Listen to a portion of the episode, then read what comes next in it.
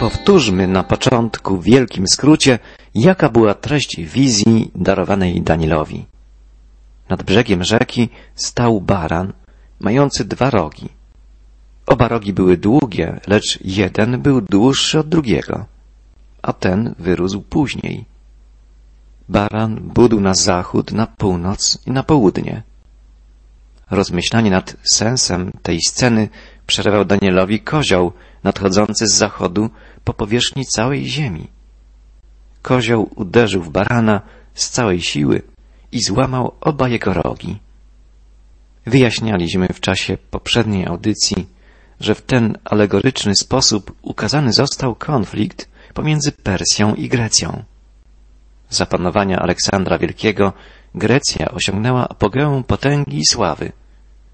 Ale właśnie wtedy, w wieku 33 lat, genialny wódz Greków zmarł w trakcie pijackiej libacji. W wizji Daniela to wydarzenie zostało opisane następująco. Czytam ósmy wiersz ósmego rozdziału. A kozioł wyrósł bardzo, gdy najbardziej spotężniał, złamał się wielki róg i na jego miejscu wyrosły cztery inne rogi na cztery strony nieba. Miejsce wybitnego wodza i zdolnego króla Grecji zajęli czterej jego generałowie, zwani diadochami. I po dwudziestu dwóch latach krwawych walk pomiędzy sobą, po bitwie pod Ipsos we Frygii w Azji Mniejszej, podzielili w roku 301 królestwo greckie na cztery części. Dalej czytamy w wierszu dziewiątym. A z jednego z nich wyrósł inny mały róg, który bardzo wyrósł ku południowi i ku wschodowi i ku prześlicznej ziemi. Inny mały róg pochodził z jednego z czterech rogów kozła. Ten róg, mały z początku, zaczął później rosnąć tak, że przerósł wszystkie pozostałe w trzech kierunkach. Na południe, na wschód i, jak czytamy, ku prześlicznej ziemi. Zakładając, że punktem odniesienia jest Syria, gdzie darowana była wizja Danielowi, jedno z czterech państw helenistycznych, jeden z czterech rogów kozła, można wnioskować, że ekspansja małego rogu na południe to wyprawa na Egipt, ekspansja na wschód to kierunek na Medopersję lub Armenię, a prześliczna ziemia to częste określenie Palestyny, leżącej pomiędzy Syrią a Egiptem. Podobne określenia znajdujemy w wypowiedziach wielu proroków Starego Testamentu, na przykład u Jeremiasza, Ezechiela, Zachariasza, Malachiasza. Na przykład prorok Zachariasz wołał Pozostała po nich ziemia spustoszona, tak, że nikt tamtędy nie przechodził. I tak przepiękny kraj zamienili w pustynię. A Malachiasz prorokował Wszystkie narody będą was nazywać szczęśliwymi, bo będziecie krajem uroczym, mówi Pan zastępów. Uroczy kraj, przepiękna kraina, czy prześliczna ziemia, to ziemia obiecana, ziemia ojczysta Izraela. Także tę ziemię obejmie swoim panowaniem dyktator, ukazujący się w wizji Daniela pod postacią małego rogu. Wyrośnie on bardzo ku południowi i ku wschodowi i ku prześlicznej ziemi, czytamy. Daniel tak opisuje dalej jego działanie. Wielkością swoją sięgał aż do wojska niebieskiego i strącił na ziemię niektórych z wojska i z gwiazd i podeptał ich. Wmówił w siebie potęgę, jaką ma książę wojsk, tak, że odjęta mu została stała codzienna ofiara i zostało zbezczeszczone miejsce jego świątyni. Ze źródeł biblijnych oraz historycznych wnioskujemy, iż osobą ukazaną w postaci małego rogu jest Antioch Epifanes, król syryjskiej dynastii Seleucydów. Czytamy o nim także w księgach deuterokanonicznych, księgach machabejskich. Stolicą państwa syryjskiego była Antiochia, gdzie około dwustu lat później po raz pierwszy uczniów Jezusa Chrystusa nazwano chrześcijanami, czyli ludźmi Chrystusa. Działalność Antiocha Epifanesa w II wieku przed Chrystusem można podsumować za pomocą pięciu cech charakterystycznych. Odnosił sukcesy militarne. To pierwsza sprawa. Kiedy Antioch Epifanes utwierdził swoje królestwo, wyruszył z wielką armią ku południowi, jak prorokował Daniel, do Egiptu. Pokonał króla egipskiego Ptolemeusza VI Filometora. Zdobył obronne miasta i zebrał wielkie łupy. Po zwycięstwie nad Egiptem Antioch Epifanes wkroczył do Palestyny i obrabował świątynię jerozolimską. Stało się to około 170 roku przed Chrystusem. Druga cecha charakterystyczna to jego działania prześladowcze. Anioł Gabriel, opisując postać Antiocha, nazwał go królem zuchwałym i podstępnym. Tak czytamy w dalszej części ósmego rozdziału, gdzie zapisane jest objaśnienie anioła odnośnie wizji Daniela. W rezultacie podstępnej działalności Antioch Epifanes niszczył i prześladował naród żydowski. Tekst biblijny przedstawia to następująco. Wielkością swoją sięgał aż do wojska niebieskiego i strącił na ziemię niektórych z wojska i gwiazd i podeptał ich.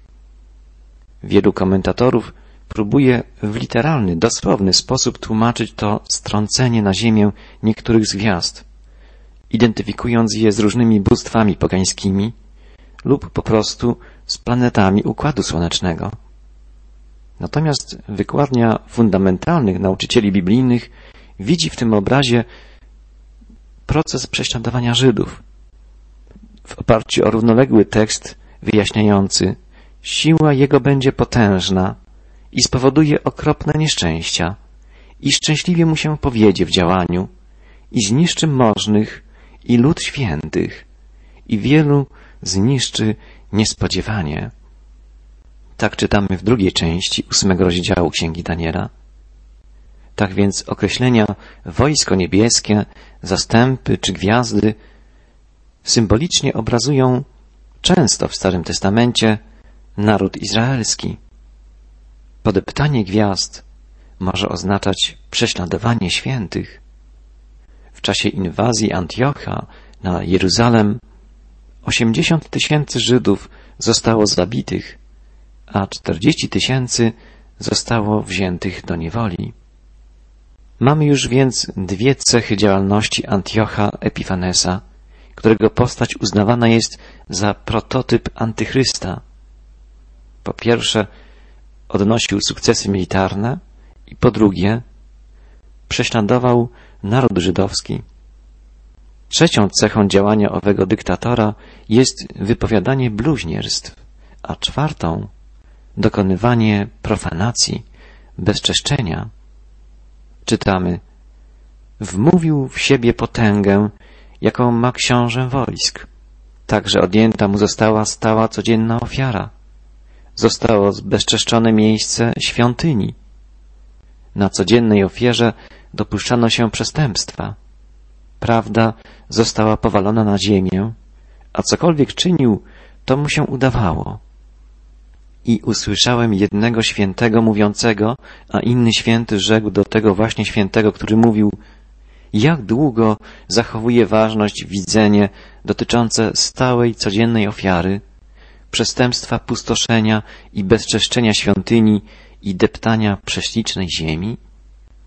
Antioch Epifanes powstał przeciwko Bogu.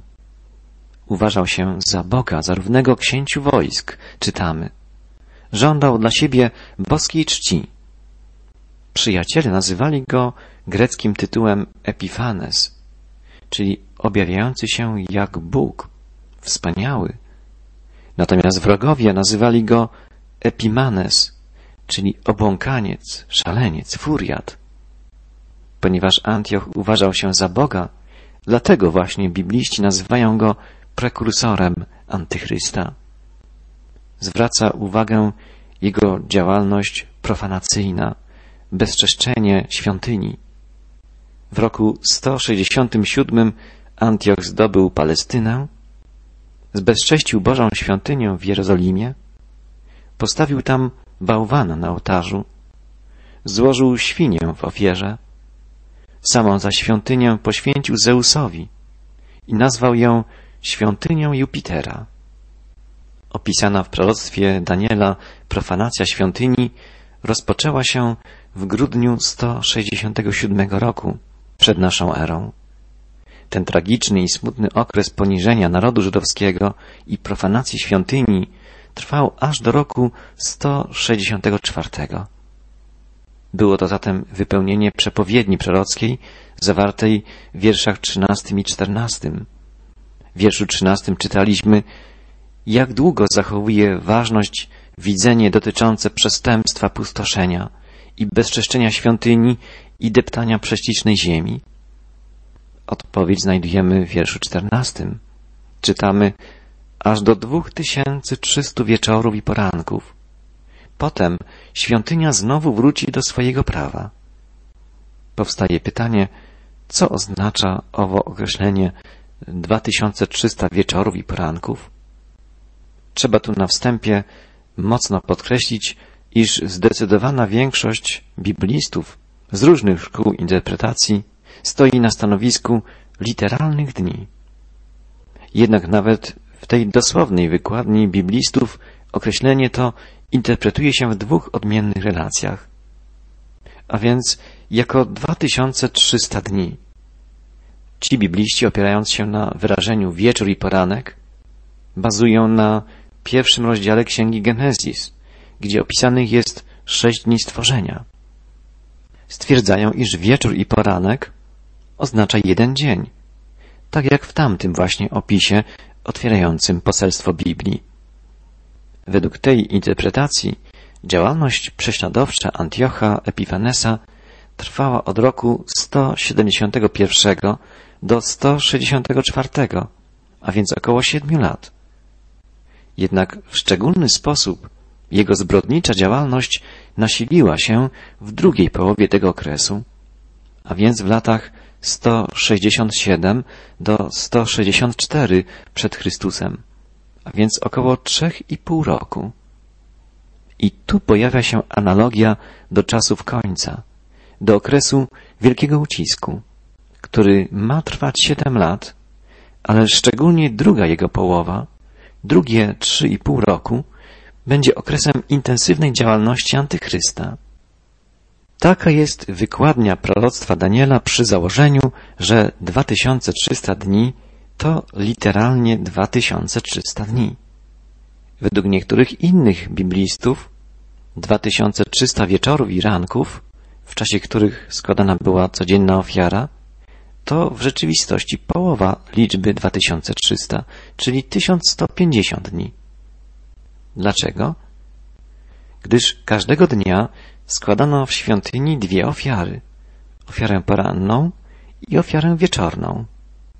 A zatem wyrażenie 2300 wieczorów i poranków to okres 1150 dni, czyli około 3,5 tysiąca roku.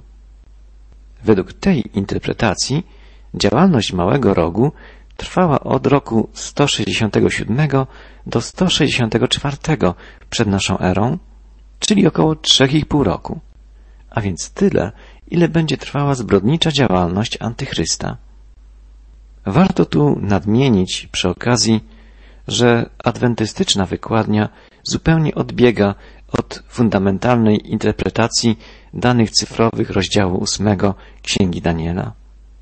Zgodnie z odpowiadającą im wykładnią twierdzą oni, iż 2300 wieczorów i poranków to 2300 lat. Przeprowadzając różne działania matematyczne na bazie swojej doktryny, dochodzą adwentyści do wniosku, że punktem szczytowym 2300 lat jest rok 1844, w którym miało nastąpić powtórne przyjście Chrystusa. Teoria ta okazała się fałszywa, ponieważ Chrystus nie przyszedł w owym wyznaczonym roku.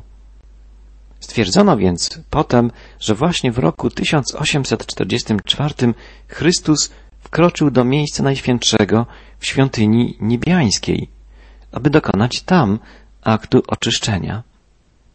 Zastanawia jednak, dlaczego w tym właśnie określonym roku Jezus miałby wkraczać do świątyni znajdującej się w niebie? Przecież On po swoim zmartwychwstaniu i w niebo wstąpieniu zasiadł już po prawicy Ojca, przebywa w niebie, w sercu niebiańskiej świątyni, rozumianej jako miejsce przebywania żywego Boga. Dlaczego Jezus miałby przebywać przez ponad 1800 lat w oddaleniu, w oddzieleniu od Ojca? Dlaczego miałby dopiero po wielu latach wkroczyć do najświętszego miejsca niebiańskiej świątyni? Nie ma właściwie żadnych biblijnych argumentów na poparcie takiej tezy. Prawdą jest to, iż Chrystus przebywa u boku Ojca od chwili, kiedy wypełnił swe wspaniałe dzieło zbawienia i powrócił do nieba, do domu Ojca.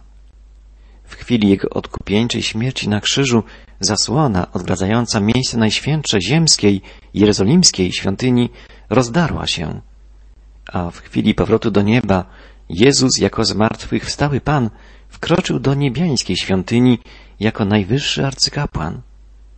I od tamtej chwili wstawia się za nami, oręduje, przebywając u boku Ojca. A miejsce przebywania Boga to miejsce najświętsze. Tak było w ziemskiej świątyni i tak jest w świątyni niebieskiej. Jezus nie wkroczył więc do najświętszego miejsca w niebie w roku 1844. Ta teza jest zupełnie błędna. Chrystus przebywa w centrum niebiańskiej świątyni od czasu dokończenia swego zbawczego dzieła, które objęło męczeńską śmierć na krzyżu, zmartwychwstanie i w niebo wstąpienie. On był już dla pierwszych chrześcijan zwycięskim Panem, przebywającym u boku Ojca. Tak o nim świadczyli apostołowie i pierwsi ojcowie Kościoła. On posłał na ziemię, zgodnie z obietnicą, Ducha Świętego w pięćdziesiąt dni po swoim zmartwychwstaniu, a dziesięć dni po wstąpieniu do nieba. I od tej pory nieustannie Duch Święty wstawia się za nami tu na ziemi, a Pan Jezus Chrystus wstawia się za nami tam w niebie jako nasz obrońca, nasz arcykapłan, nasz Zbawiciel i Pan. Jemu niech będą dzięki. On jest godzien wszelkiej chwały i czci. Natomiast wydarzenie, o którym prorokował Daniel, będzie miało miejsce w czasach ostatecznych, gdy pojawi się na arenie historii Antychryst i obejmie na krótko panowanie nad światem, depcząc także prześliczną ziemię, czyli bezczeszcząc Jerozolimę. To wydarzenie symbolicznie zapowiedziane zostało przez działalność Antiocha Epifanesa, którego zbrodnicza działalność nasiliła się w sposób szczególny w okresie trzech i pół roku, w drugim wieku przed Chrystusem.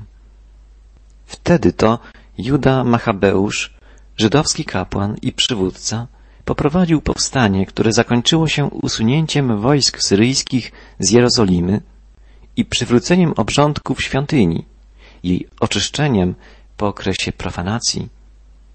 Na pamiątkę tego radosnego wydarzenia Żydzi obchodzą święto poświęcenia świątyni, o którym czytamy w Ewangelii Jana w rozdziale dziesiątym. Obchodzono wtedy w Jerozolimie uroczystość poświęcenia świątyni. Była zima i przechadzał się Jezus w świątyni w przysionku Salomona. To święto nie wywodzi się ze Starego Testamentu. Obchodzone jest na pamiątkę oczyszczenia świątyni dokonanego w okresie pomiędzy Starym a Nowym Testamentem, a zapowiada ono ostateczne oczyszczenie, które dokona się w czasach końca. Dla lepszego zrozumienia wizji proroka Daniela przeczytajmy wyjaśnienie tego widzenia dokonane na polecenie Pana przez anioła Gabriela.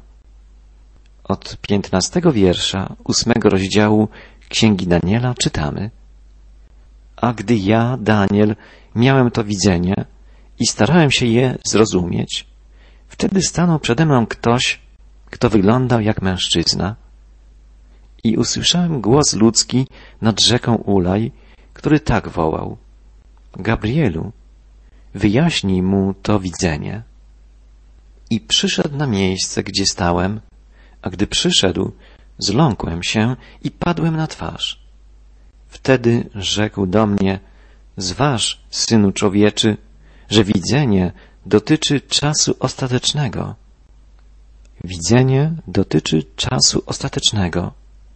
Te słowa anioła wskazują na eschatologiczne znaczenie wizji Daniela.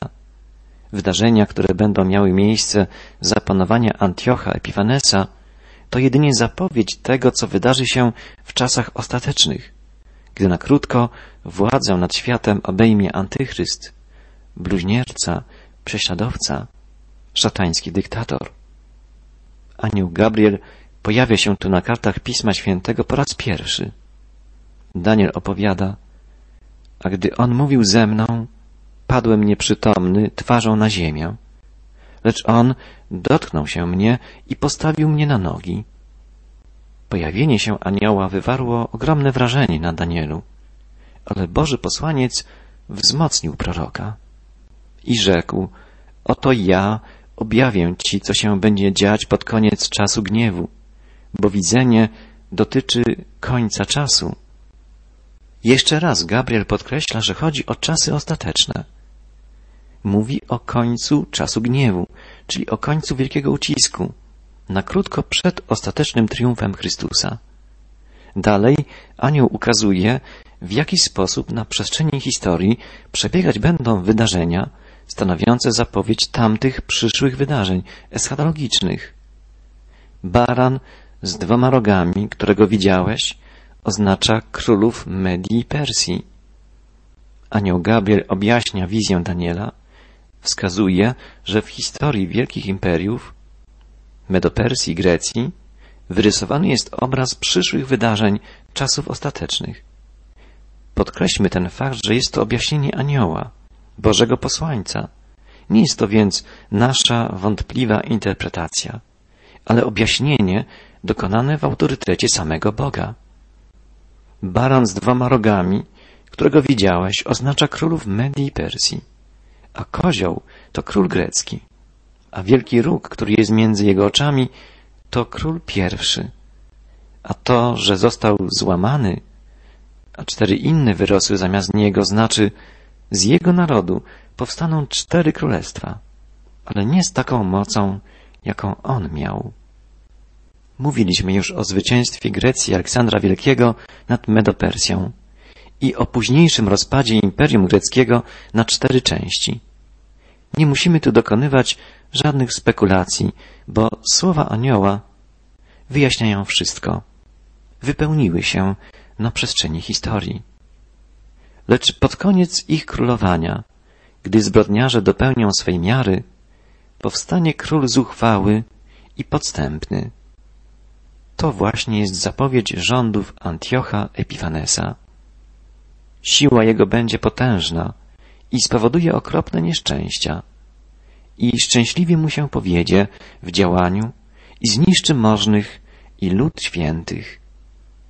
Antioch dokonał wielu podbojów, a najgorzej traktował Żydów. Można by go nazwać Hitlerem czasów starożytnych. Mordował lud wybrany, nienawidził świętych. Podobnie będzie działał antychryst w okresie wielkiego ucisku. Czytamy, działając podstępnie dzięki mądrości, będzie miał powodzenie, będzie pyszny w sercu i wielu zniszczy niespodzianie. Lecz gdy powstanie przeciwko księciu książąt, zostanie zmiażdżony bez udziału ludzkiej ręki. Ostatecznym zwycięzcą okaże się książę książąt, Jezus Chrystus. Chwała Mu teraz i na wieki.